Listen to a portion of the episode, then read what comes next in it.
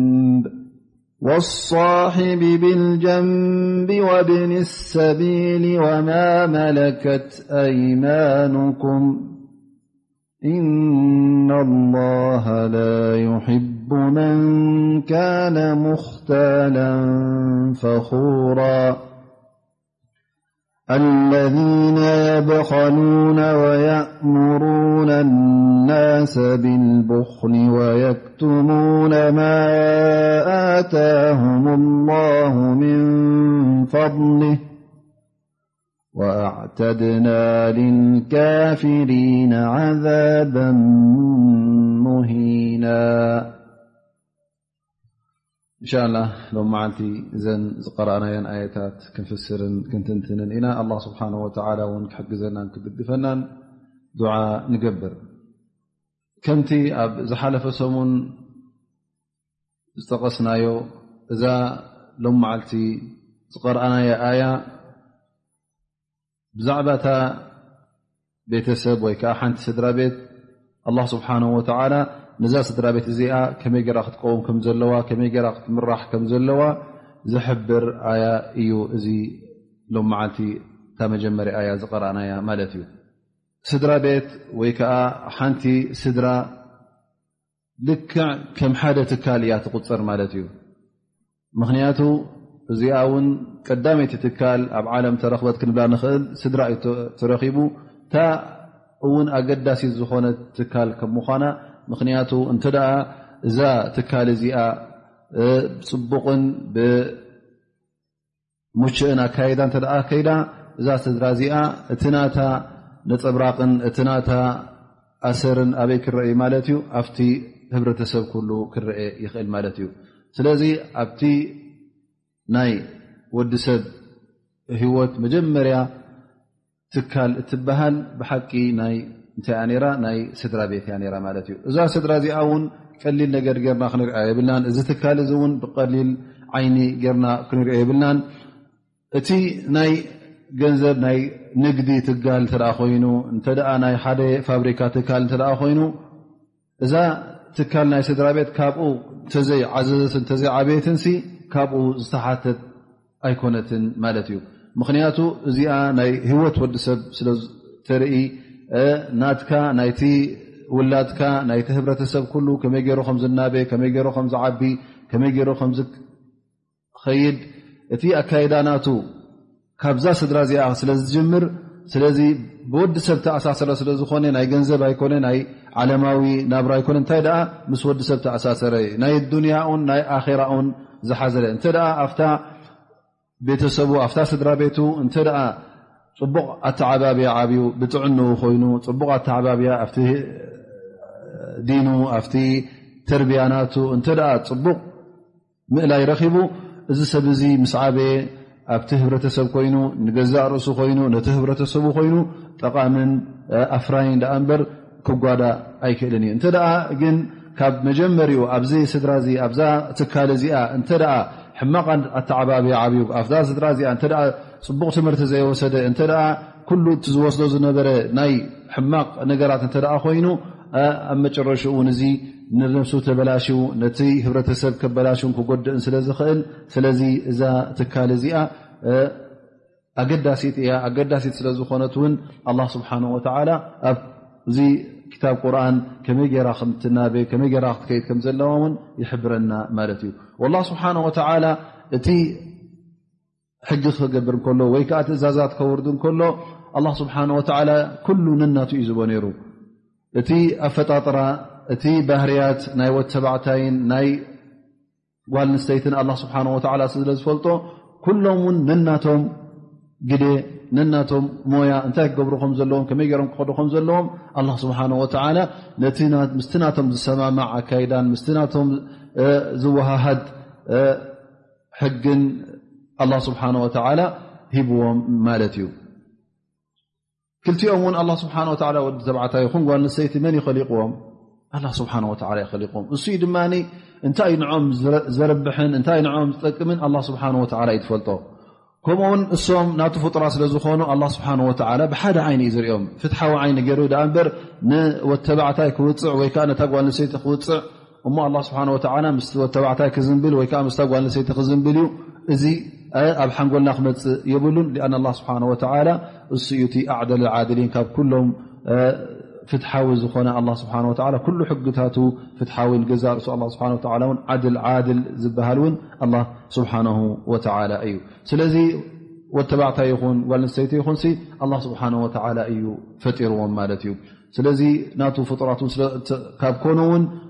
እቲ ስዝቦም ዘሎ ትእዛዛት እውን እሺ ኢሎም ክቕበልዎ ኣለዎም ማለት እዩ ኣላ ስብሓን ወተላ እሱ ዩ ፈጢሩካ እሱ ካፍጠረካ ውን ናቱ ግዙእን ንዕኡ ክተምልኽ ዩ ዘለካ ዝሃበካ ትእዛዝ ድማ እሽኢልካ ክትቅበል ግዴታ ይኸውን ማለት እዩ ስለዚ ኣላ ስብሓን ወላ ንኣብነት ንጓል ንስተይቲ ፍሉይ ዝኾነ ኣፈጣጥራ ፈጢርዋ ኣብ ርእሲኡ እውን ፍሉይ ዝኾነ ካብ ናይ ወተባዕታይ እተፈለየ ሞያን እተፈለየ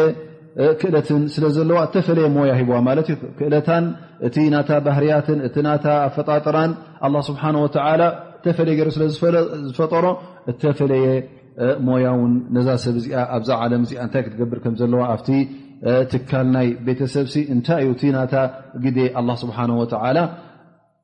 ነዛ ሰብ እዚኣ ውን ወሲኑ ሂቦዋ ማለት እዩ ንኣብነት ገለ ሰባት ወይ ከዓ ገለአን ደቂ ኣንስትዮ እንታይ ጥራይ ንምውላድን ንህፃናት ንምዕባይን ጥራይ ንከምኡ ድያ ተፈጢራ ኢለን ነዚ ነገር እዚ ከናሽውዎን ክቃልልዎን ትረክቦም ማለት እዩ እዚ ቀሊል ነገር መዓስ ኮይኑ እዚ ንገዛእ ርእሱ ወተባዕታይ እውን ክኽእሎ ዘይክእል ማለት እዩ ወይከዓ ወተባዕታይ ክስከሞ ዘይክእል እንተ እቲ ኣብ ምዕራባውያን ዝግበር ዘሎ እተ ኮይኑ ወሊዳስ እንተ ንካልእ ሰብ ክዕብዎ ክትህብ እተ ኮይና ኣብቲ ቤት ናይ መዕበይ ናይ ህፃናት ተባሂሉ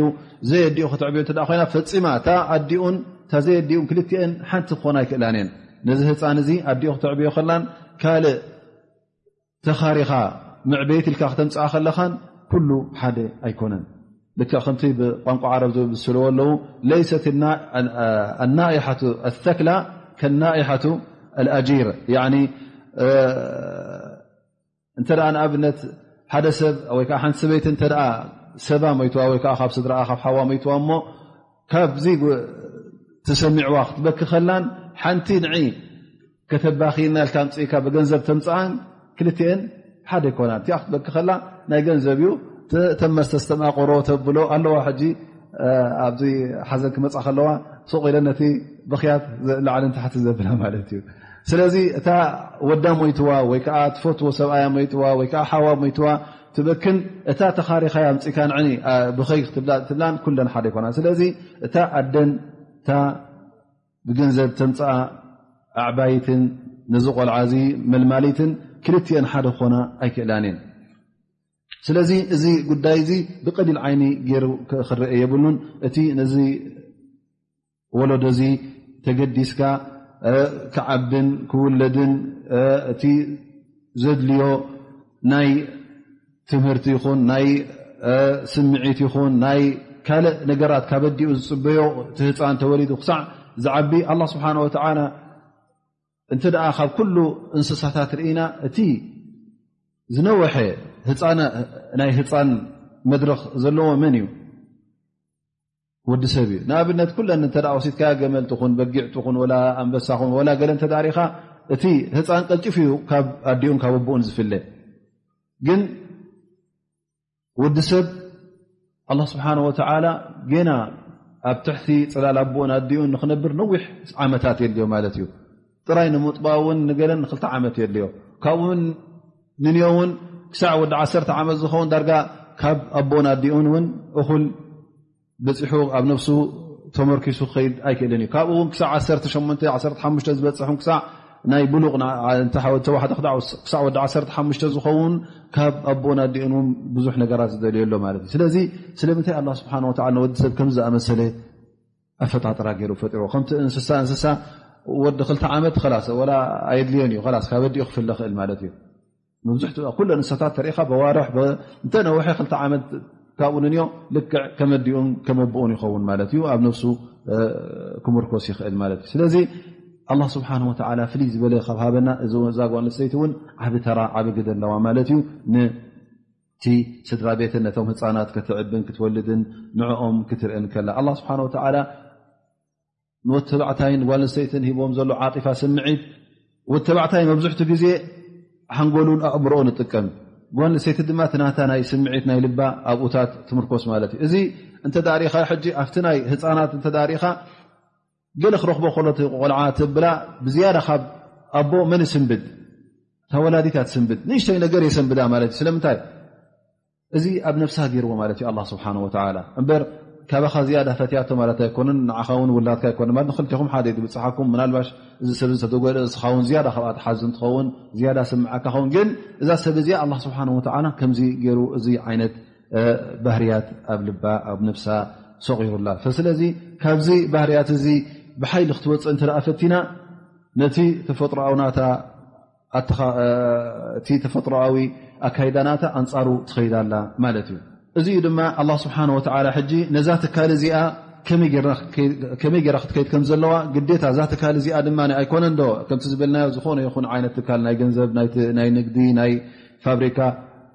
ዝኾነ ኹን ዓይነት ትካል እቶም ሰራሕተኛታት ኩሎም ሓደ መስርዕ ዶ ይስርዑ ወይ ከዓ ኩሎም ሓደ መዝነት ይወሃቡ ወይ ዝተፈላለየ መዝነት ኣለዎም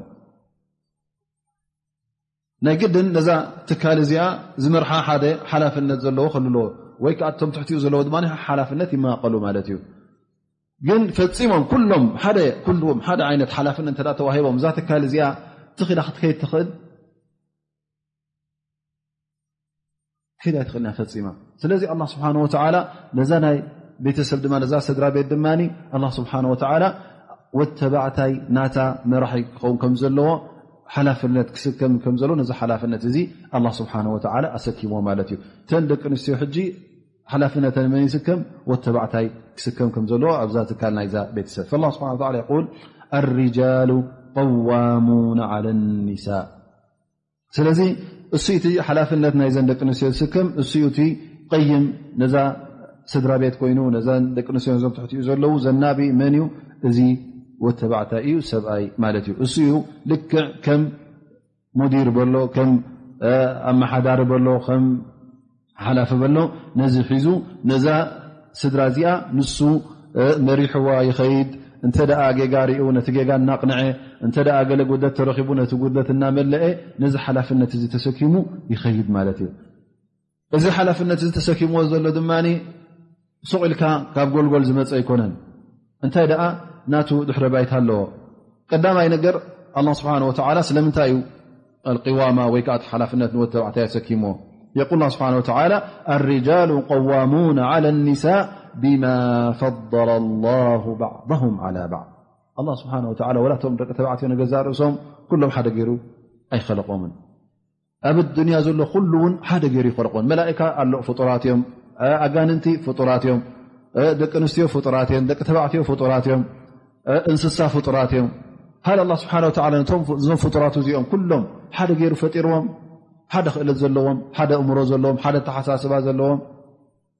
ነናቶም ገይሩሎም ኣላ ስብሓን ወላ ፈፈላለዩ ፈጢርዎም ዘሎ ማለት እዩ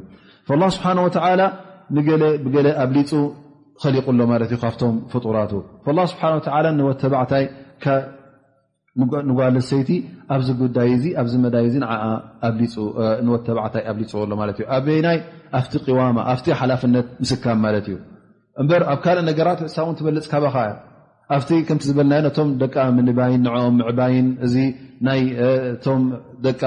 ፅቡቕ ገይራ ከትሕዞምን ንዕኦም ኣድላይ ነገራት ከተቕርበሎም ካብ ወት ተባዕታይ ዝያዳ ክእለት ዘለዋ መን እያ እሳ ትበልፅ ካባኻ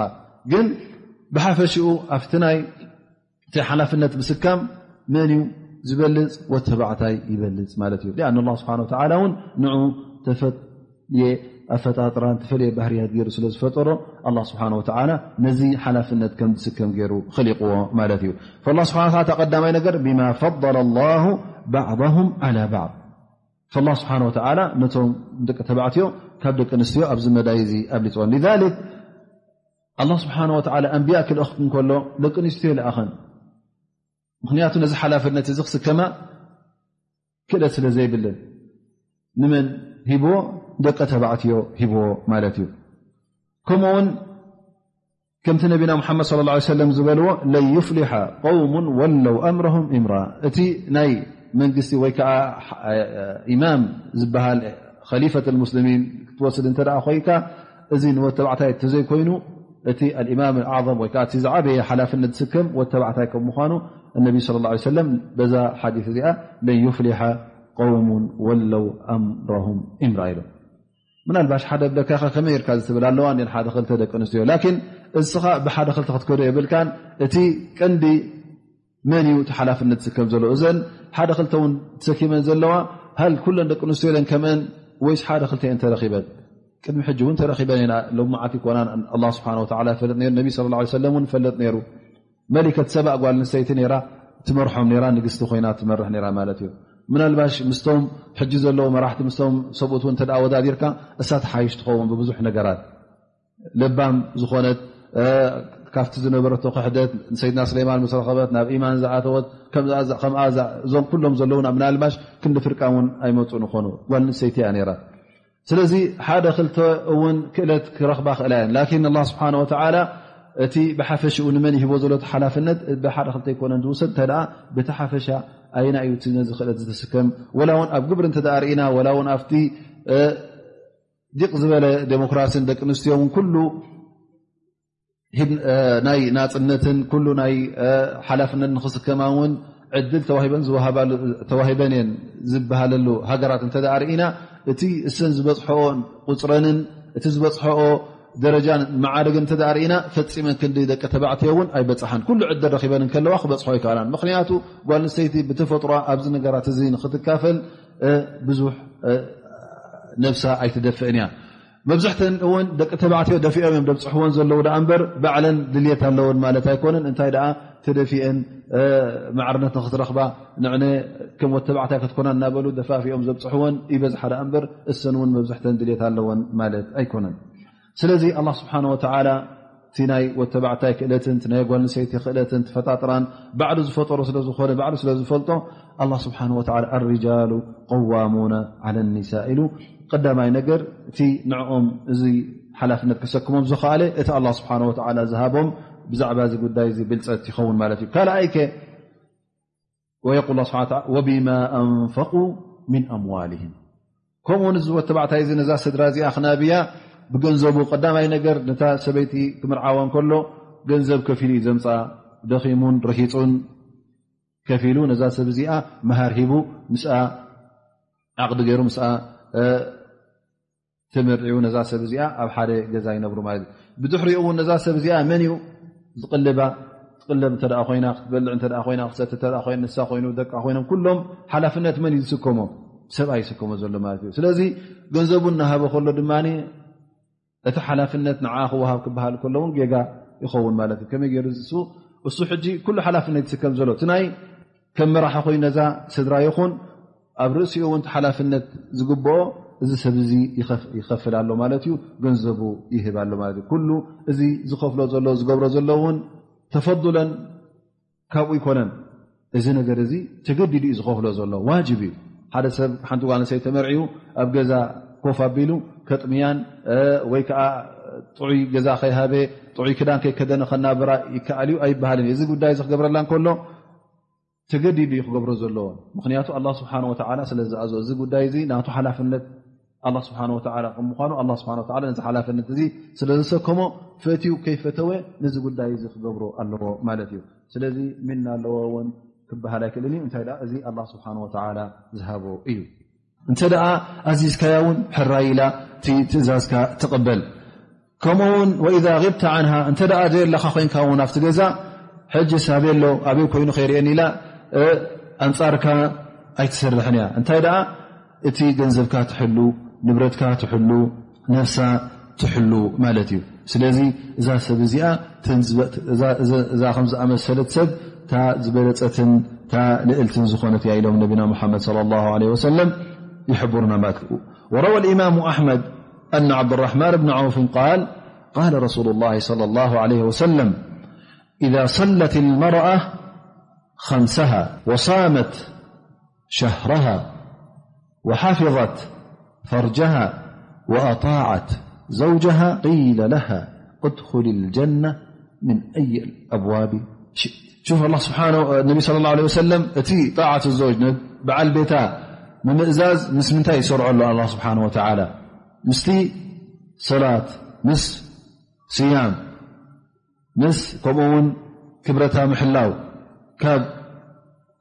ዝምዋ ይኹን ካብ ካልእ ነገራት ከምኡ ውን እዚ ህጂታ ራብዐይቲ ኣጣዓት ዘውጃ ስለዚ እንተ ጓል ንሰይቲ ተን ሓሙሽተ ሰላታ ሰጊዳ እታ ወርሒ ሮሞዳና ፀማ ከምኡ ውን ካብ ፋሕሻ ካብ ፅያፍ ነገር ካብ ዝምዋ ከም ዝኣመሰለ ነታ ነፍሳ እተ ሓልያ ንሰብኣያ ውን እንተ ተማእዚዛ ኣብ ዮም ቅያማ እዛ ሰብ እዚኣ ኣላ ስብሓን ወተላ ንጀና ብዝደለኸዮ ኣፍ ደገ እተው ኢሉ ኩሉ ኣፍ ደገታት ናይ ጀና ይኸፍተላ ማለት እዩ ስለዚ እዚ ንዕማ እዚ እዚ ሽልማት እዚ ቀሊል ነገር ኣይኮነን ንሰብኣያ ክትመእዘዝ ከላ ቀሊል ነገር ኣይኮነን ክትመእዘዞ ከላ ወ ተባዕታይ ኮይኑ ወይ ከዓ ጭሕሚ ኣለዎ ኮይኑ ማለት ኣይኮነን እንታይ ደኣ ኣላ ስብሓን ወተዓላ ስለ ዝኣዘዛ ቀዳማይ ነገር ትእዛዝ ከተኽብር ከላ ትእዛዝ ናይ ኣላ ስብሓን ወላ ተኽብር ከም ዘላ በዚ እንተ ደኣ ዓጊባ ፈፂማ ንሰብኣያ እውን ድሕሪ ሕጂ ካብ ትእዛዙ ኣይክትወፅእን እያ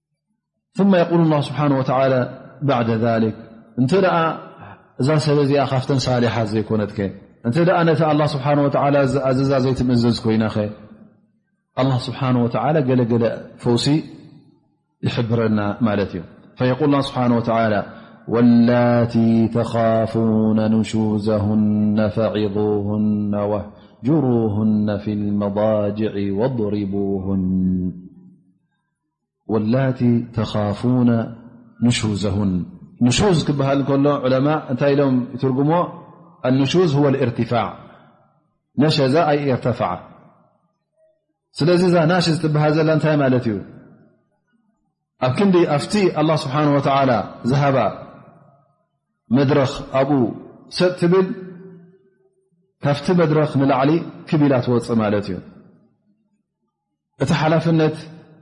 ናይ ሰብኣይ ዝነበረ ባዕላ ክትምንዝዕ ትጅምር ክትምንዝዕ ትፍትን ማለት እዩ ዘይሓላፍነታ ትወስዳላ ማለት እዩ ስለዚ ካብቲ ኣላ ስብሓን ወላ ዝሃባ ደረጃ ገዲፋ ካብኡ ዝለዓለ ደረጃ ክጠልብ ከላ ንሰብኣያ ክትዕበየሉን እቲ ክእዝዛ ከሎ ትእዛዛት ዘይተኽብር ክትከውን ከላ ስለዚ ሕጂ እንታይ እያ ትገብር ዘላ ማለት እዩ ነቲ ኣላ ስብሓን ወተላ ዝወሰኖ ናይ ስድራ ቤት ከመይ ገይሩ ክከይድ ከም ዘለዎ መን ሓላፍነት ክስብ ከም ዘለዎ እዛ ስድራ ቤት እዚኣ መን መራሕኣን መን ይካይድኣን እዚ ነገር እዚ ኣላ ስብሓን ወላ ወሲኖዎ ከሎ ነዚ ከተበላሹ ከላ ስለዚ እታ ስድራ ቤት ን ክትበላሸውን ኣብ ክንዲ ሓደ ርእሲ ዝነበራ ክልተ ርእሲ ክርከቡ ከለዉ እሞ እተ ሕጅስ ንክልቲኦም ሕራይ እስኪ ሓደ መዓርግ ንሃቦም እተ ኢልና ወተባዕታይ ጓል ንሰይትን ማዕረ እዮም ማዕርነት እዩ እሱ ተመርዕዋ ኣሎ ሳ ተመርዕያቶላ ሕጂ ክልቲኦም ሓደ እዮም እተ ኢልካ ሃል እዞም ሰባት እዚኦም ክልቲኦም እናኸዱ ከለዉ እቲ ጉዳይ ናይታ ስድራ ቤት እዩ ነበሎ ንኣብነት ስለዚ እንተ ሓደ ውሳነ ክውሰድ እተ ኮይኑ እዛ ስድራ እዚኣ ሞት ሰብኣይ ከምዚ ኢሉ እታ ሰበይቲ ድማ ካልእ ነገር ኢላ እሞ ሓደ ዩ ማዕርነት ዩ ክልትኹም ሓደ ድምፂ ዩ ዘለኩም ተባሂሎም እንታይ ክኸውን ወይ ክልትኦም ነናቶም ገብሩ ክፍትኑ እዮም ን ሰብኣይ ስልጣ የብሉ ንሳ ውን ስልጣ የብላ ክልትኹም ማዕረ ኢልናዮም ኣለና ማለት እዩ ክልኦም ሓደ ሓላፍነት ተዋሂቦም ማለት እዩ ሃል እዛ ስድራ እዚኣ እዛ ቤተሰብ እዚኣ ክትቅፅል ትኽእል በዚ ናብራ እዚ እቲ እሱ የማን ኢሉ እሳ ፀጋሚ ኢላ ኣብ መጨረሻ እንታይ እ ክኸውን ፋሕ ክትብል እያ ሊክ ሕጂ ወላ ኣብ ኦሮባ ወይ ከዓ በዓል ኣሜሪካ ገለ እንተዳሪእካዮ ሕጂ ካብ ተ ካብ ሚ ወላ ተ ካብ ሚእቲ እንተ ተመርዐዮም ነይሮም ናይ ግዲ ንፋትሑ ምክንያቱ መርከብ ክል መራሕቲ እደ ኣለዋ ኮይኖም ፈፂሞም ወይክጠልቕ እያወይጠልቕ ወይከዓ ይትብገስን እያ ካብቲ ዘላ ደው ክትብል ማለት እዩ ሓደ ብድሕሪት ክስሕባ ሓደ ቅድሚ ክስሕባ እዩ ኣብ ግዜ ምስ ነውሐ ክትጠልቕ እያ ማለት እዩ ስለዚ እዚ ስለ ዝኾነ መብዝሕቶም ሕጂ እንታይ ናብራ ነብሩ ማለት እዩ ኣብ ክንዲ ሰብኣይን ሰበይታ ኮይኖም ዝነብሩ ኣዕሩኽ ምዃና ሕሽሙኻ እሱ ሓላፍነት የብሉ እሳ ሓላፍነት የብላ ክራኸቡ ከለዉ ናይ ጉዳይ ስጋዊ ርክብ ተ ኣለዎም ኮይኑ ስምዒቶም ኣርውዮም በዚ ጉዳይ እዚ ጭርስ ላስ እዚኣ መሓዛያ እቲያ ዓርከያ ዓሩኽ ኮይኖም በዚ ከም ውሽማ ገይሩ ይሕዛ ማለት እዩ ኣን እዚ ንዕኡ ዝበለፀ ተባዕታይ እውን እዚ ሕሸኒ ብለካ ምክንያቱ ሓንቲ ሓላፍነት ዝስከሙ የብሉን እዛ ሰብ እዚኣ ጓዓዝ ሩ ስ ዓሰ ዓመት ዒስ ዓመት ኮይኑ እንተ ተበርዒዋ ሩ ኮይ ተፋትሖም ፍርቂ ገንዘቡ ሒዛትሉ ክትከይድ እያ ከብለካ ንምንታይ ምርዓዋ ንኸይድ ፅቡቕ ተከድና ፅቡቕ ተዘየሎ ዳሕራይ እቲ ተበርዕኻ ትረኽቦ ጉዳይ ናይ ስጋዊ ርክብ ተኮይኑ ረክቦ ኣለኹ ወላ ሓንቲ እታ ናይ ውላድ ናይ እዚ ድማ ፈፂዎ ክልቲኦም ሓላፍነት ስከሙ ይደልዩን እዮም ላስ ኣይንደልን ውላድ እብሉ ብዝን ከምዝን እናተጓደሉ ስድራ ቤት ትበሃል ካብቲ ህብረተሰብ እቲ ጠፊኣ ማለት እዩ ስለዚ እዛ ስድራ ቤት እዚኣ እንተ ሓላፍነታ ዝስከም እቲ መራሒኣ እተ ሓደ ዘይኮነ እተ ክልተሰለስተ ክኾኑ ኮይኖም እዛ ስድራ እዚኣ ክትብተን እያ ማለት እዩ ላ ስብሓን ወተላ እንተ ከምዝኣመሰለ ነገር ተረኪቡ እዛ ጓል ሰይቲ እዚኣ ካብቲ ኣላ ስብሓን ወላ ዝሃባ ደረጃ ካብቲ ደረጃኣ እተ ክትልእል ጀሚራ ካብኡ ንላዕሊ ክትሓልፍ እተ ጀሚራ እዛ ሰብ እዚኣ ኣላ ስብሓን ወተላ መጀመርያ እንታይ ክትገብር ኣለካ ከምቲ ኣላ ስብሓን ወላ ዝበለካ ፈዒቡን መውዒዛ ካብ ኣላ ስብሓን ወላ እንታይ ከም ዝበለ እቲ ዲን እስልምና እንታይ ከም ዝበለ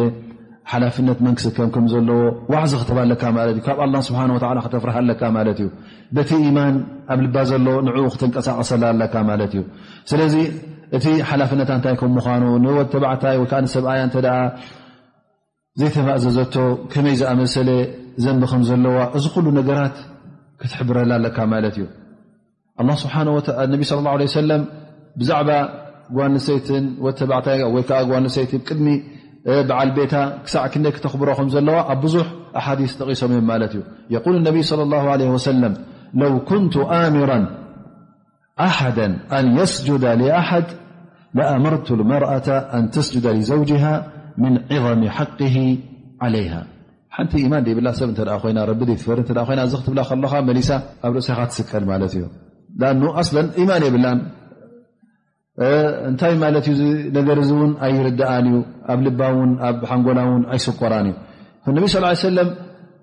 ስጁድ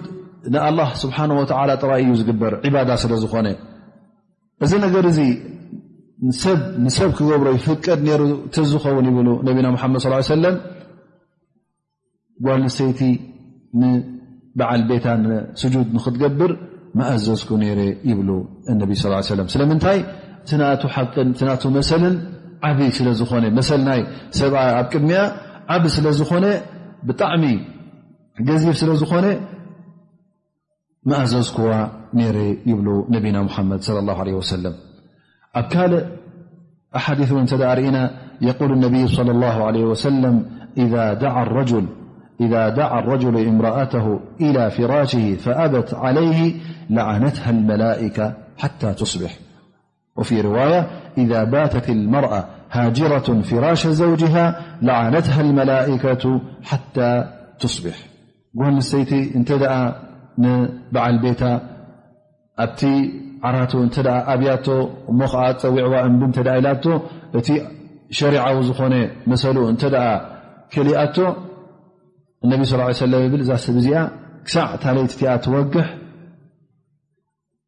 መላካ ክልዕንዋ እዮም ዝሓድሩ መላካ ክልዕንዋ ከለዉ ድማ ካብቲ ራሕመት ላ ስብሓ ወላ ንክትርሕቅን ንክትወፅእን እናለዓንዋ ክሓድሩ ካብ ዝኸፍእ ድማ ስለ ዘየለ ካብዚ ነገር እዚ ክጥንቀቕ ከም ዘለዋ እነቢ ለ ላ ለ ወሰለም ይሕብሩ ምክንያቱ ከምቲ ዝበልናዮ መሰል ናይ ወተባዕታይ ዓብ ስለ ዝኾነ እሱ እውን ናይዛ ስድራ እዚኣ ናይዛ ቤት እዚኣ ሓላፍነት ስለ ዘለዎ ዝበሎን እቲ ናቱ መሰላት እቲ ናቱ ሓቅን ክትሕልወሉ ከም ዘለዋ እንተ ዘይሓለወት ውን ካብ ገደብ ወይ ከዓ ካብቲ ሕዱድ ላ ስብሓ ወላ ካብቲ ኣላ ስብሓ ወላ ዝወሰኖ ገደባት ትሰግርኣላ ማለት እዩ እዚ ቲ ቀዳማይ ነገር መውዒዛ ገብር ማለት እዩ ሓደ ሰብ እመክራ ረቢ ፍር ህብላ እዚ ትገብርዮ ዘለኽ ረቢ ይፈትዎን እዩ እዚ ትገብርዮ ዘለኽ ጌጋ እዩ እዚ ትገብርዮ ዘለኽ ነዚ ንሕና ዘለናዮ ናብራ እዛ ስድራ ሒዝናያ ዘለና ነዚ ተኣሳሲርናዮ ዘለ ዘበላሽ ኢልካ ብኩሉ ነገራት ትመኽራ ማለት እዩ ኣለዋ ደቂ ኣንስትዮ ልቢ ዘለዎን ዲን ዘለዋ እንተ ደኣ ኮይኑ በዚ ምኽሪ እዚ ተዓግብ ማለት እዩ ገሊአን እዚ ምኽሪ እዚ ይጠቅምን እዩ ንምስአን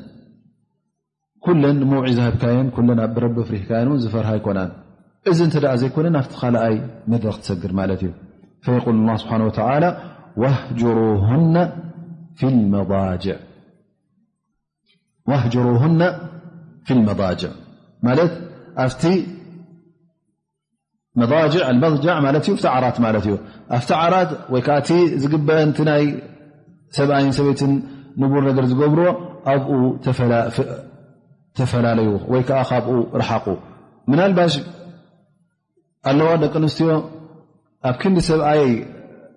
ኣብ ዓራት ዝባኑ ሂቡኒ ዝሓድር ሲ ብበትሪ ተትወቕዓኒ ሕሸኒ ዝብላ እውን ኣለዋ ማለት ፍርቀን እዚ ካብቲ ማህረምቲ ዝዓበየን ዝኸፍአን ገረን ዝወስድኦ ኣለዋ ማለት እዩ ዛክ ምክንያቱ ታይ ጓል ንስተይቲ እቲ ዝዓበየ ሱልጣ ዘለዋ ብለካ ገለ ዕሎ ክዛረቡ ከለዉ እቲ ጓል ንሰይቲ ሱልጣ ትረኽበሉ ሰዓት ኣበይ እዩ ይብሉካ ኣብቲ ዕሽራ ዘውጅያ ክትገብር ከላ እዩ ምክንያቱ ወተባዕታይ ሙስተስልም እዩ ዝኸውን ኣብዚ ጉዳይ እዚ ስለዚ እንተ ደኣ ኣብዚ ሸነክ እዚ እዚ ወተባዕታይ እዚ ካብዚ ነገር እዚ ማለት ክትስዕሮ ከምዘይትኽእል ን ክትስሕቦ ከምዘይትኽእል ናቱ ኢራዳን ናቱ ድልትን እሱ ክቆፃፀር ከምዝኽእል እንተ ኣርእዋ ሕጂ እንታይ ትገብር ኣሎ ማለት እዩ ኣብዚ ጉዳይ እውን ከምዝስዕራ የርእያ ኣሎ ማለት እዩ ጥራይ ሳይኮነትን ትስዕር እሱ እውን ከምዝስዕብ ምክንያቱ ኣብ ጉዳይ ናይ ሻህዋ ኩሉ ግዜ ወተባዕታይ ንሱ ናብ ጓል ንሰይቲ ዝንባለ ኣለዎ ማለት እዩ ስለዚ በዚ ጉዳይ እዚ ንወተባዕታይ ምናልባሽ ጓል ንሰይቲ ኣብዚ ጉዳይ እዚ ትስዕሮ እያ ማለት እዩ ብመልክዓ ኮይኑ ብካልእ ነገራት ኮይና ስሒባ መቸም ኣብዚ ጉዳይ እዚ ወተባዕታይ ኩሉ ግዜ ስዑር እዩ ስለዚ እንተ ኣብዚ ጉዳይ እዚ ነዛ ሰብ እዚኣ ካብዚ ነገር እዚ ክርሕቕ ከም ዝኽእል ክስዕራ ከም ዝኽእል ነቲ ሻህዋናቱ ቀጥ ኣቢሉ ክሕዝ ከም ዝኽእል ንሳ ክትማርኹ ከም ዘይትኽእል እንተ ደኣ በዚ ጉዳይ እዚ ክእለቱ ኣርእዩ እንታይ እዩ ዝኸውን ዘሎ ማለት እዩ ሕጂ ንዛ ሰብ እዚኣ ኣብቲ ዝዓበየ መዳይ እሳ ስልጣን ዝነብረላ መዳይ ስልጣን ናታ ክስሕቦ ከሎ ብጣዕሚ እዛ ሰብ እዚኣ ከምተሰዓረት ይርዳኣ ማለት እዩ ነቢ ስ ሰለ ን እቲ ሂጅራ ክበሃል ከሎ ኣብ ካልእ ክፍሊ ውን ክኸውን የብሉን ኢሎም ዑለማ እንታይ ደኣ ኣብታ መደቀሲ ገዛ ኣብኣ ክኸውን ኣለዎ ላ ውን ኣብ ሓደ ዓራት ክድቅስሎም ግን ዝባኑ ይህባ ማለት እዩ እዚ ሕጂ እቲ ዝበእሰን ዝኸፍአን ይኸውን ማለት እዩ ስለዚ ኣላ ስብሓን ወተላ ዋህጅሩሁና ፊ ልመባጅዕ እ ገለ ዕለማ እውን ወላ ውን ክዛረባ የብሉ ገለ ዝበሉ ኣለው ላኪን ትቐንዲ ኣብቲ ፍርናሽ ኣብኡ ህጅራ ክገብር ኣለዎ ማለት እዩ ግን እዚ ህጅራ ክግበር ከሎ ውን ክጥንቀቕ ኣለካ ማለት እዩ ኣላ ስብሓን ወተላ እውን ህጅራ ክትገብር ከለካ ኣብ መባጅዕ ኢሉካ ኣብቲ ትድቅሰሉ ቦታ ኣብ ኩሉ ኣይበለካን ምክንያቱ እዚ ጉዳይ እዚ እቶም ህፃናት ን ቶም ቆልዑት ሶም ውን ክፈልጥዎ የብሉን ማለት እዩ ነዛ ሰብ እዚኣ እስኻ ኮሪኻ እንዲኻ ዘለኻ እቲ ኮሪኻዮ ዘለኻ ውን ክተርእዮም የብልካን ማለት እዩ ኣብ ምንታይ ኣ እቲ ኩራናት ከኣበይ ክረአ ኣለዎ ኣብቲ በይንኹም ትኾኑሉ ቦታ ኣብቲ ቶም ህፃናት ዘይርኢኹም ኣብቲ ደቅኹም ዘይርእዎ ንሶም ከይተፈለጦም ከሎ እስኻ እቲ ጉዳይ ናካ ንዕኡ ትህውስ ኣለኻ ማለት እዩ ዋህጅሩሁና ፊ ልመዳጅዕ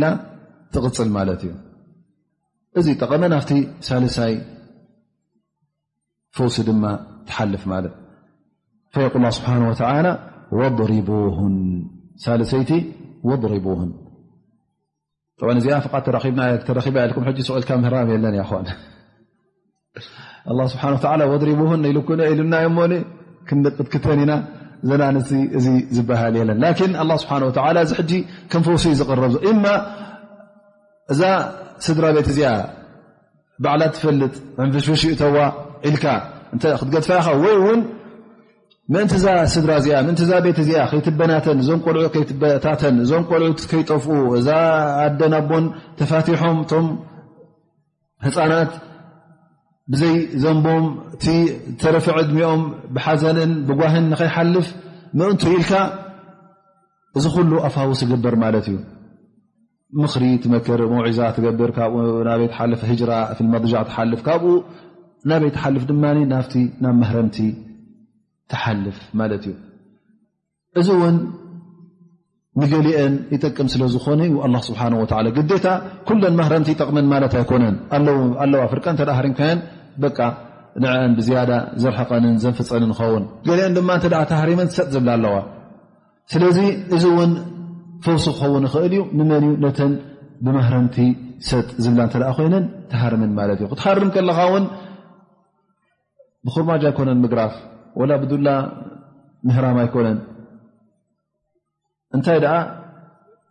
ትሃርም ከለኻ ብሲዋክ መወፅ እዮም ዝብሉ ነሮም ማለ ትሃርም ከለኻ እንታይ ኢኻ ተሪያ ዘለኻ ሕጂ ብጣዕሚ እቲ ጉዳይ ከም ዝገንፈለን ኣብዚ መድረኽ እዚ ከምዝበፅሓን ኣብ ማህረምቲ ከምዝበፅሐን ዳኣ እምበር እንተ ንጓልሰይቲ ብኩስ ሒዝካ ድዕባ ክተብላ ኮይንካ ውን ክትቀትላ ኢኻ ማለት እዩ ተፈቅድና ህረምዎን ኢልካ ውን ከም ድላይካ ዱኛ ገርካ ክትሃርማ ማለት ኣይኮነን لأن النبي صلى الله عليه وسلم عندما سئل ما حق امرأة أحدنا أنتأتخفتهم أصحاب النبي صلى اه عليه وسلم ت ماليم فقال النبي صلىل له وسلم أن تطعمها إذا طعمت وتكسوها إذا اكتسيت ولا تضربو الوجه ولا تقبح ولا تهجر إلا في البيت ኣስሓብ ነቢ ስ ሰለም ነቢና ሓመድ ስ ሰለም ምስ ሓተት እንታይ እዩ እቲ መሰል ናይ ሰበይቲ ናይ ኢሎም ሓደ ካብቶም ኣስሓብ ነቢ ስ ሰለም ይሓትት መሰላ እንተ ካብቲ ትበልዖ ከተብልዓ ካብቲ ትኽደኖ ከምቲ ትኽደኖ ንስኻ ክትከድና እዚ ኢንፋቅ ክትገብረላ ማለት እዩ እንተ ደኣ ክትእድባ ኮንካ ውን ኣብ ማህረምቲ እተ ተበፂሑ ውን ፈፂም ካብ ገፃ ክትቀርባ ጭዋ ክትላሃማ ይብልካ ኣይኮነ ብቡንያ ላ ብፅፍዒት ውን ክትሃርማ የብልካን ማለት እዩ ወላ ትቀብሕ ከምኡ ውን ቀባሕ ኣላ ወጅ ኢልካ ን ከምዚ ዓይነት ዝኣመሰለ ሕማቕ ፀርፊ እውን ክትፀርፍ የብልካ ምኽንያቱ እቲ ማህረምቲ ክትህረም ዘሎ ከምቲ ንውላድካ ኮይኑ ውን ትእድቦ ዘለኻ ፈቲኻ ትእድቦ ንዓ ውን ከም ፈቲኻ ትገብሮ ዘለኻ ነዛ ስድራ እዚኣ ንኸይትበታተን ኢልካ ትገብሮ ከም ዘለኻ ክትርዳእ ኣለካ ወላ ተህጅሩ ኢላ ፊ ልበይት ከም ዝበልናዮ ክትሃጅራ ከለኻ ውን ኣብ ሓደ ገዛ ኮይንኩም ኣብኡ ዩ ትሂጅራ ድኣ እምበር ኣነ ኮሪኦ ዘለኹ ኢልካ ገዛ ገዲፍካዮ ሰሙን ከይኣተኻ ክትቅኒ ማለት ኣይኮነን ን ላ ስብሓ ዋህጅሩሁና ኢሉና ዩ እሞኒ እንዳ ኣቦኻ ክትኸይድ ወላ እንዳ ዓርክኻ ትሓድር ንሳ ኣብኡ ገዲፍካያ ክትከይድ ማለት ኣይኮነን ስለዚ ህጅራን ወይ ከዓ ማህረም ትክበሃል ከሎ እውን ضርብ غይር ሙበርሕ ማለት ዘይቕንዙ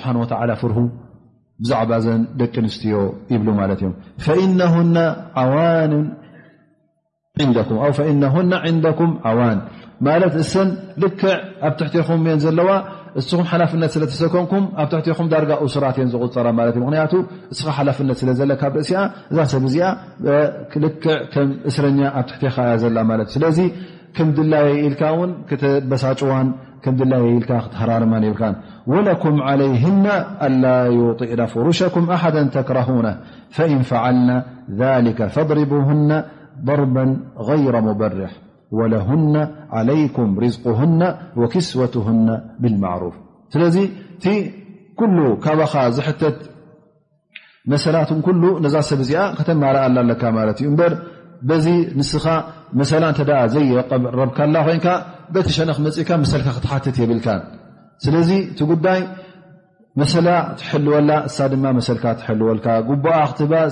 እሳ ድማ ጉቡእካ ክትበካ እዚ እዩ ዘሎ ማለት እዩ በር ንስኻ መሰልካ ክትሓትት መሰላ ከየክበርካ እተ ትኸይዳ ኣለካ ኮይንካ እቲ ጉዳይ እውን ቀኒዑ ኣይከይድን እዩ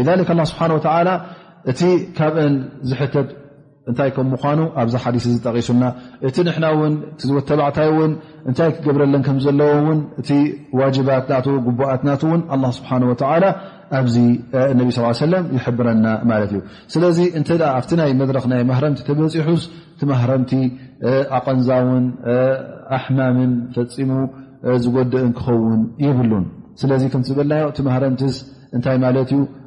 ኣነ ብጣዕሚ ተቆጢዐ ኣለኹ ትብላ ኣለኻ ማለት እዩ እዚ ትገብርዮ ዘለኽስ ኣብቲ ዝኸፍአ ኣብቲ ናይ መጨረሻ መድረኽ ይበፂሑ ዘሎ ኢኻ ትብላ ዘለኻ ስለዚ እዚ መሰላታ ኩሉ ክትሕሉ ኣለካ ማለት እዩ ማ የቁል ስብሓ ወተላ ፈእን ኣጣዕነኩም ፈላ ተብغ ዓለይህና ሰቢላ እንተ ተማእዚዛትኩም ከ እተ ተማእዚዘን እንተ ኩሉ መሰላትካ ሓልያትልካ ካብዚ ንንዮ ፈፂምካ መገዲ የብልካ ነዛ ሰብ እዚኣ ክትሃርማ ይኹን እቲ ናይ ህጅራ ፊ መጅዳ ኣ ናይ መደቀሲ ካብኡ ክትርሕቕ ማለት እዚ ሉ መቕፃዕቲ ተገይሩ ዘሎ እዚ ኩሉ ክትገብሮ የብልካን ማለት እዩ ስለዚ እቲ መቕፃዕቲ ንምንታይ ተገይሩ ዘሎ እንተ ዘይትምእዘዝ ኮይና እተ ናሽዝ ኮይና ማለት እዩ እንተ ግን መሰልካ ሓልያትልካ ግዴታ መሰላ ክትሕልወላ ኣለካ ማለት እዩ ወጣዓቱ ከምቲ ዝበልናዮ ኣብ ይር ማስያ ማስያ እተ ዘይኮነ ኣብኡ ክኸውን ዘሎ ማለት እዩ ስለዚ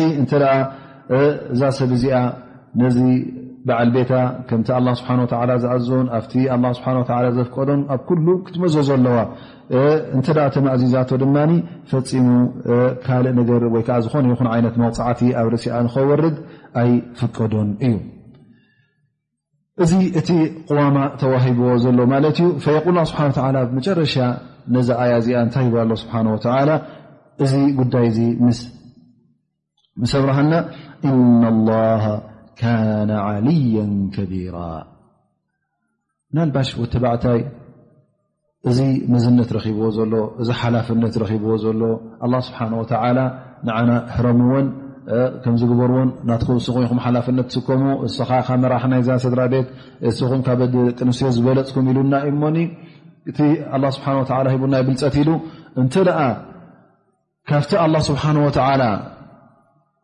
ዝወሰነሉ ገደብ ካብኡ ክሰገር እተ ጀሚሩ ዕብት ክስምዖ እተ ጀሚሩ ትዕቢት እንተ ኣብ ነፍሱ ክሓድሮ ጀሚሩ እሞ ኣነ ክንዲላይ ክገብር ኢሉ ኣብ ክንዲ ነዛ ሰብ እዚኣ እናተማእዘዘቶ ከላ ፈራሂት ረቢ እከላ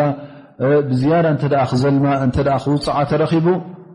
ኣላ ስብሓን ወተዓላ የዘኻኽረካ ኣሎ ማለት እዩ እና ላሃ ካነ ዓልያ ከቢራ እንተ ደኣ እስኻ ኣብ ርእሲኣ ሸሸይ ትብል ኣለኻ ኮንካ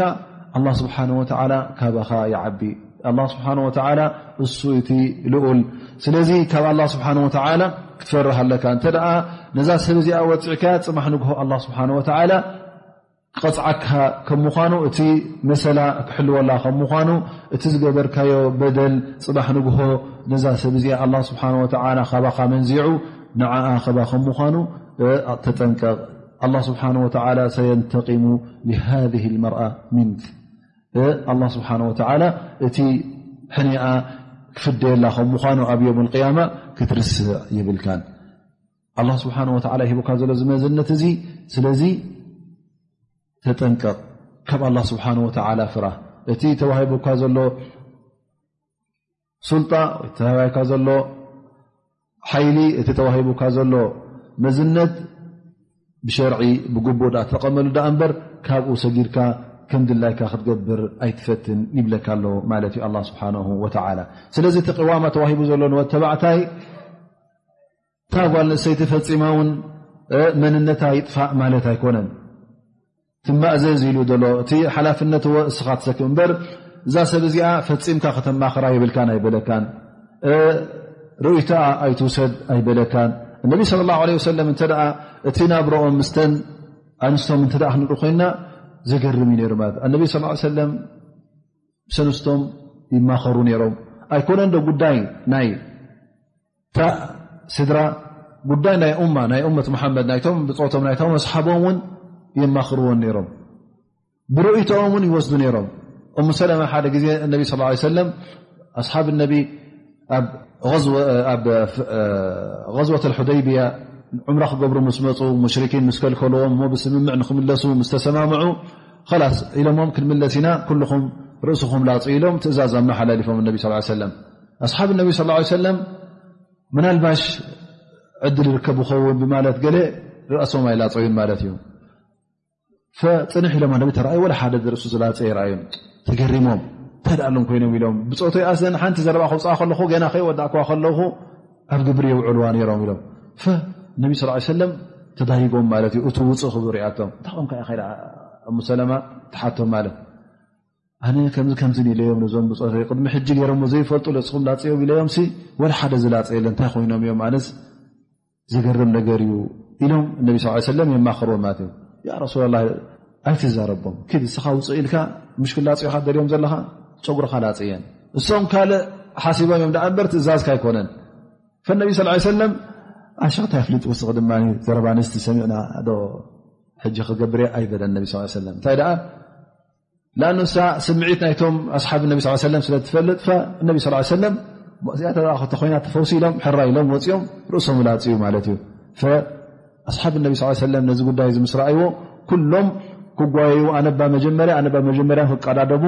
ርእሶም ክላፅኡ ከለዉ ከይጠባብሑ ክሳዕ ዝፈርሁ ኮይኖም ማለት እዩ ነቢ ለ ላ ለ ወሰለም ፈዚ ነቢ ስ ሰለም ጉዳይ ናይ እማ ጉዳይ ናይቲ ዘገደሶም ናይ እቶም ኣስሓብ ነቢ ስ ሰለም ንሓንቲ ካፍተና ንስቶም ኣማኺሮመን ማለት እዩ ግን ኣብ ርእሲኡ ጥራይ ምምኻር ኣይኮነን በቲ ርእቶናታ እውን ወሲዶም ማለት እዩ ስለዚ ኣይተማኽራ ማለት ኣይኮነን ርእቶ ኣይትውሰድ ማለት ኣይኮነን ንስኻ ሓላፍነት ተዋሂብካስ ጥራይ ኣነ ዝበልክዎ ይኹን ኣነ እንደ ዘለኹ መራሒ ላዝም ዲክታቶርያ ክንገብር ኣለና ባል ኣይኮነን ንገዛእ ርእሱ እቲ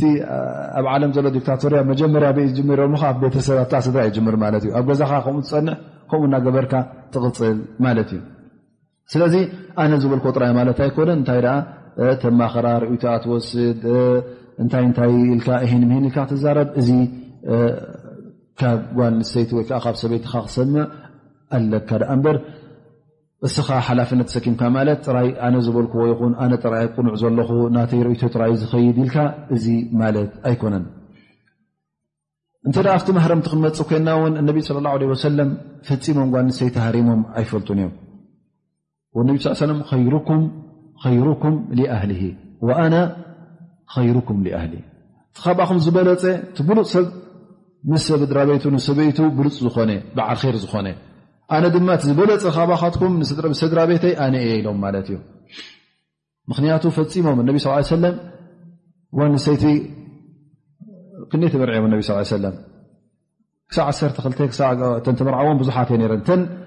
ኣብ ትሕቲኦም እንከለዋ ዝሞቱ ትሸዓተ ነረን ማለት እዩ ሕና ምናልባሽ ሓንቲ ሰበይት ተመርዕኻ ክንደይ ግዜ ሃሪምካ ኣለኻ ነቢ ስ ሰለም ኣብ ትሕቲኦም ብሓንሳ ትሸዓተ ነይረን ሓንቲ መዓልቲ ሃሪሞም ኣይፈልጡን ሓደ ግዜ ነቢ ስ ሰለም ኣብ ገዝኦም ኮፍ ኢሎም ከለዉ እንዳ ዓይሻ ማለት እዩ ሓንቲ ካብተን ኣንስቶም ማለት እዩ ሃድያ ትሰድድ ማለት እዩ ንነቢ ስ ሰለም ሹፍ መውቅፍ ንስኻ ኣብዚ መድረክ ዝተኣ በፅሕካ ነዛ ሰበይቲ መሃረምካያ ዶ ኣይመሃረምካያን ፈዛ ሰብ እዚኣ እነቢ ስ ሰለም ሰዲዳት ሉ ማለት ሓንቲ ሰበይት ካብቶም ከደም ገይሩ ሓደ ያ መፅያ ሓንቲ ከዳሚት መፅያ ያ ረሱላ ላ ሰበይትኹም ፍላና እዚ ሰይዳትልኩም ኢላ ኣምፅኣቶ ማለት እዩ ኣብዚ ግዜ እዚ እነቢ ስ ሰለም ምስ ዓይሻ ጥራ ኣይነበሩን ካልኦት እውን ነሮም እዮም ማለት እዩ ብ ቅድሚ ጋይሽ ማለት እዩ ቅድሚ ሰብ ፍዓይሻ ረ ላ ኮርያ ማለት እዩ ራ ሒዝዋ ቅንዒ ሒዝዋ ፋሕ ተብሎላ ማለት እዩ ተሰኪሞ ከሎ ሸሓኒ እታ ሸሓኒ ትስበር ቲ ብልዒ ይፈስስ ማለት እዩ ኣብ ቅድሚ ሰብ ሰብ ኣለዎ ጋይሽ ኣለዎ ቲ ገዛ ውን እዛ ከምዝትገብረካ ሰበይቲ እንታይ ትገብራ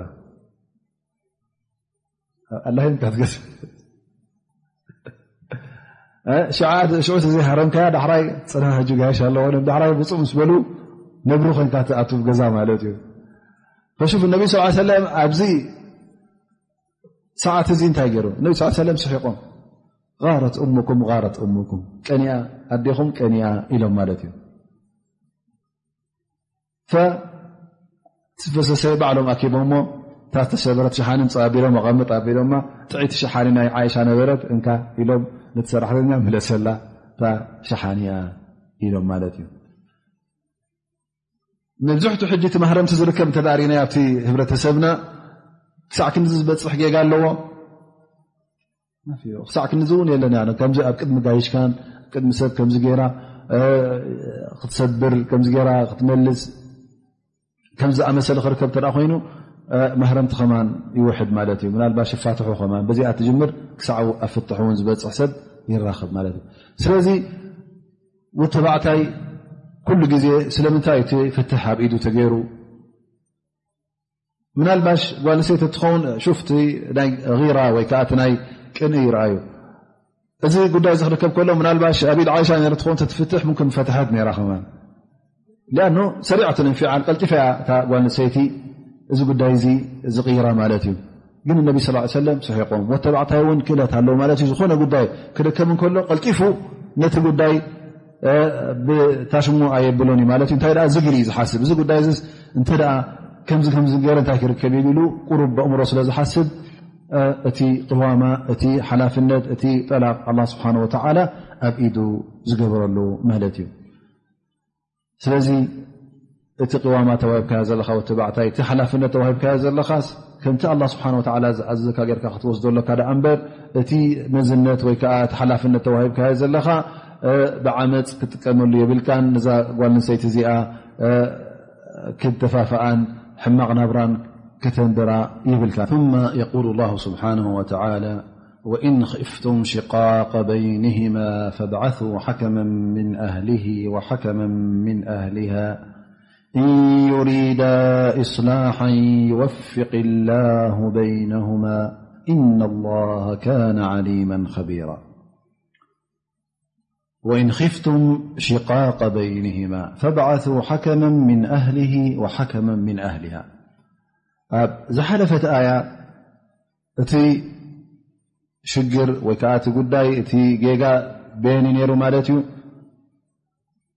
ጓልንሰይቲ ወላቲ ተካፉነ ንሹዘኹና እንተ እሳ በዲላ ማለት እዩ እቲ በደል ካብኣ እተ መፅኡ እቲ ኣፋኣውስ ወይ ከዓ እቲ ዕላጅ ዝግበር ኣላ ስብሓን ወተላ ነጊሩና ማለት እዩ እንተ እቲ ጉዳይ ካብ ክልትኦም ኮይኑኸ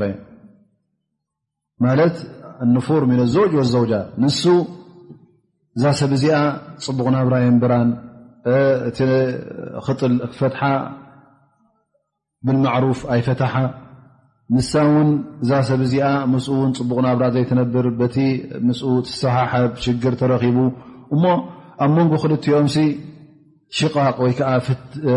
ናብ ፍትሕ ንክበፅሑ ወይ ከዓ ባእሲ ጥራይ እንተ ኮይኑ መንጎኦም እንታይ ይገበር እሳ እንተበዲላ ዝብደሲ እቲ ሰብኣያ እንታይ እንታይ ስጉምትታት ዝወስዶ ተነጊርና ማለት እዩ ግን እንተ ካብ ክልቲኦም ኮይኑ ከ ሽግር ካብኣ ጥራይ ኣይኮነን ንሱ ይኹን ንሳ ይኹን ክልቲኦም ሕጂ ኣብ ምስሕሓብ እንተ ተበፂሑ ከ ፈኢዛ ካነ ሽቃቅ ምነ ዘውጀን እንታይ ይግበር ማለት እዩ ከምቲ ነቢ ስ ስብሓ ዝብሎ ፈብዓث ሓከመ ምን ኣህሊ ወሓከመ ምን ኣህሊሃ ነዚ ጉዳይ እዚ ዘፃርዩ ኣላ ስብሓን ወተላ መጀመርያ ትክልኩም ፍትሑ ይበለን እውን ረዩ ምክንያቱ ኣላ ስብሓን ወላ እዛ ቆይማ ዘላ ትካል እዛ ቆይማ ዘላ ስድራ ክትቅፅል ድኣ እምበር ናብ ፍትሕ ንክትበፅሕ ፈፂማ ኣላ ስብሓን ወተላ ይደልየለን ኩሉ እቲ ኣፋውስ ኩሉ እቲ ዕላጅ ክግበር ከም ዘለዎ ኣላ ስብሓን ወተላ ይሕበረና ማለት እዩ ስለዚ እንተ ኣብ መንጎ ክልትዮ ምስሕ ሓብቲ ረኪቡ ካብ ስድራ ቤታ ሓደ ካብ ስድራ ቤቱ ሓደ መፂኦም ነዚ ተረኪቡ ዘሎ ምፍሕፋሕ ነዚ ተረኪቡ ዘሎ ምስሕሓም ንዕኡ ክዕሪ ንክፍትኑ ካብኣ ክሰምዑ ካብኡ ንክሰምዑ እንታይ እዩ ትሽግር ተረኪቡ ዘሎ ኩሉ ብኩሉ ሸነካት ሪኦም ሲ ሓደ ውሳኔ ንክብሉ ሓከም ምን ኣህሊሃ ወሓከም ምን ኣህሊ ካብ ስድራ ቤታ መፅ ማለት እዩ እዚ ዝመፅ ዘሎ ድማ ሱቕኢልካ ኣይኮነን እንታይ ኣ ስብሓ ዚ ሓከም ኢሉ ክፍርድ እዩ ዝመፅእ ዘሎ ክፈሪ እንተ ኮይኑ ቀዳማይ ነገር ክፈልጦ ዘለዎ እንታይ እዩ ሸርዒ ክፈልጥ ኣለ ማለት እዩ መሰል ናይ ወተባዕታይ ናይ በዓል ቤት እንታይ እዩ መሰል ናይ በዓልቲ ቤት እንታይ እዩ እንታይ እዩ እቲ ዋጅባት ግዴታ ንዓኣ ዝግበኣ ን ዝግብኦን መሰሉናትን መሰል ናይታ ናታን ኩሉ ዝነገር እዚ ክፈልጥ ኣለዎ ማለት እዩ ብሸርዒ ከምኡ ውን እንተ ተሰሓሒቦም እንታይ ዩ ክኸውን ዘለዎ እታይ ክግበር ዘለዎ እዚ ኩሉ ነገራት ክፈልጥ ኣለዎ ብድሕሪኡ ምእንቲ ናብ ውሳኔ ንክበፅሕ ማለት እዩ እዘ እዞም ሰባት እዚኦም እዞም ሓከም ዝበሃሉ ዘለዉ እዞም ፈረቲ ዝበሃሉ ዘለዉ ንምንታይ እዮም ዝመፁ ዘለዉ ነቲ ጉዳይ ትሪኦም እዚዩ ቕኑዕ ነገር ኢሎም ሓደ ዓይነት ውሳኔ ወይከዓ ሓደ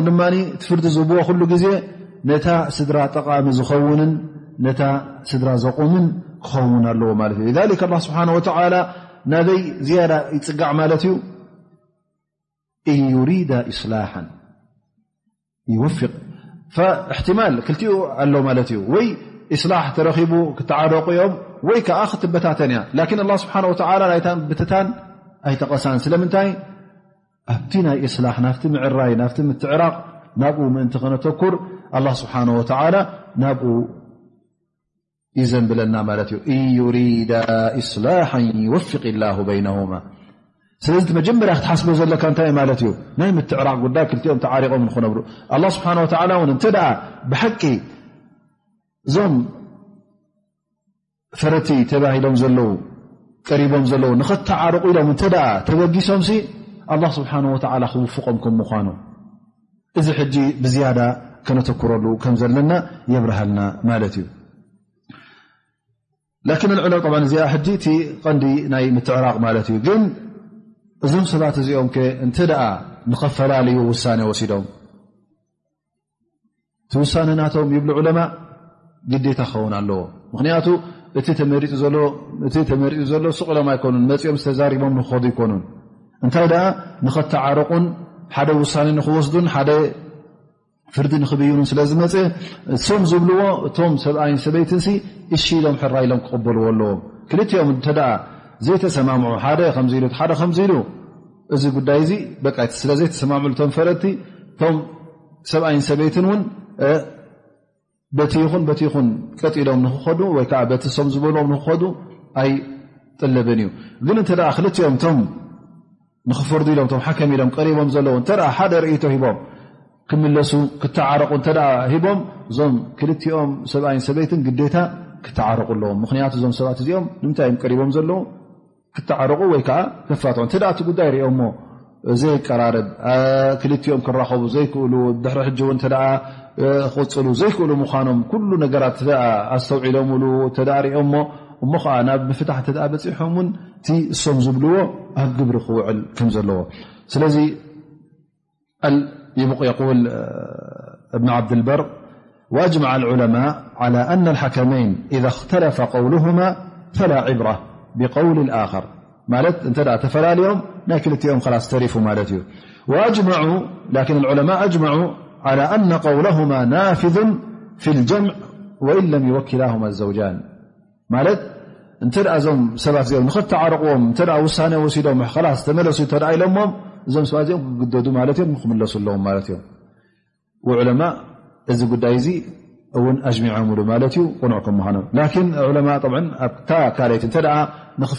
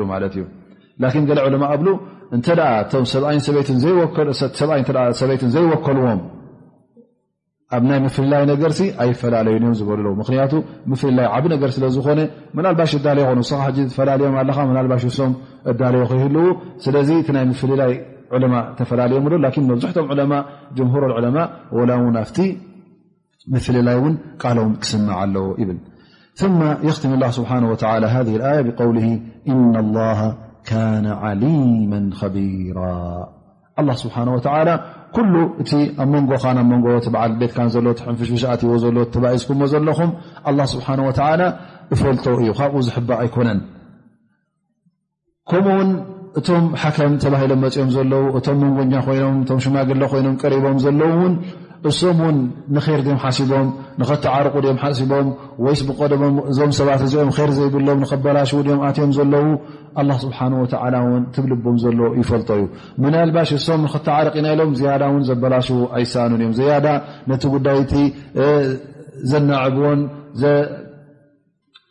ኣብ ዘይድልዮ መድረክን ዘብፅሕዎን እውን ኣይሰኣኑ እዮም ስለዚ ኣላ ስብሓን ወተላ እንተ ደኣ እዞም ሰባት እዚኦም ቀኒዖም ነዛ ስድራ ከተዓርቑ ቀሪቦም ኣላ ስብሓን ወተላ ትብልቦም ዘሎ ፈልጦ እዩ እንተ ብሓቂ እውን እዚ ድሌት ዝል ነይርዎም ኮይኑ ኣላ ስብሓን ወተላ ክውፍቆም እዩቶም ክልተ ሰብኣይን ሰበይትን ክውፈቁ እዮም እታ ስድራ እታ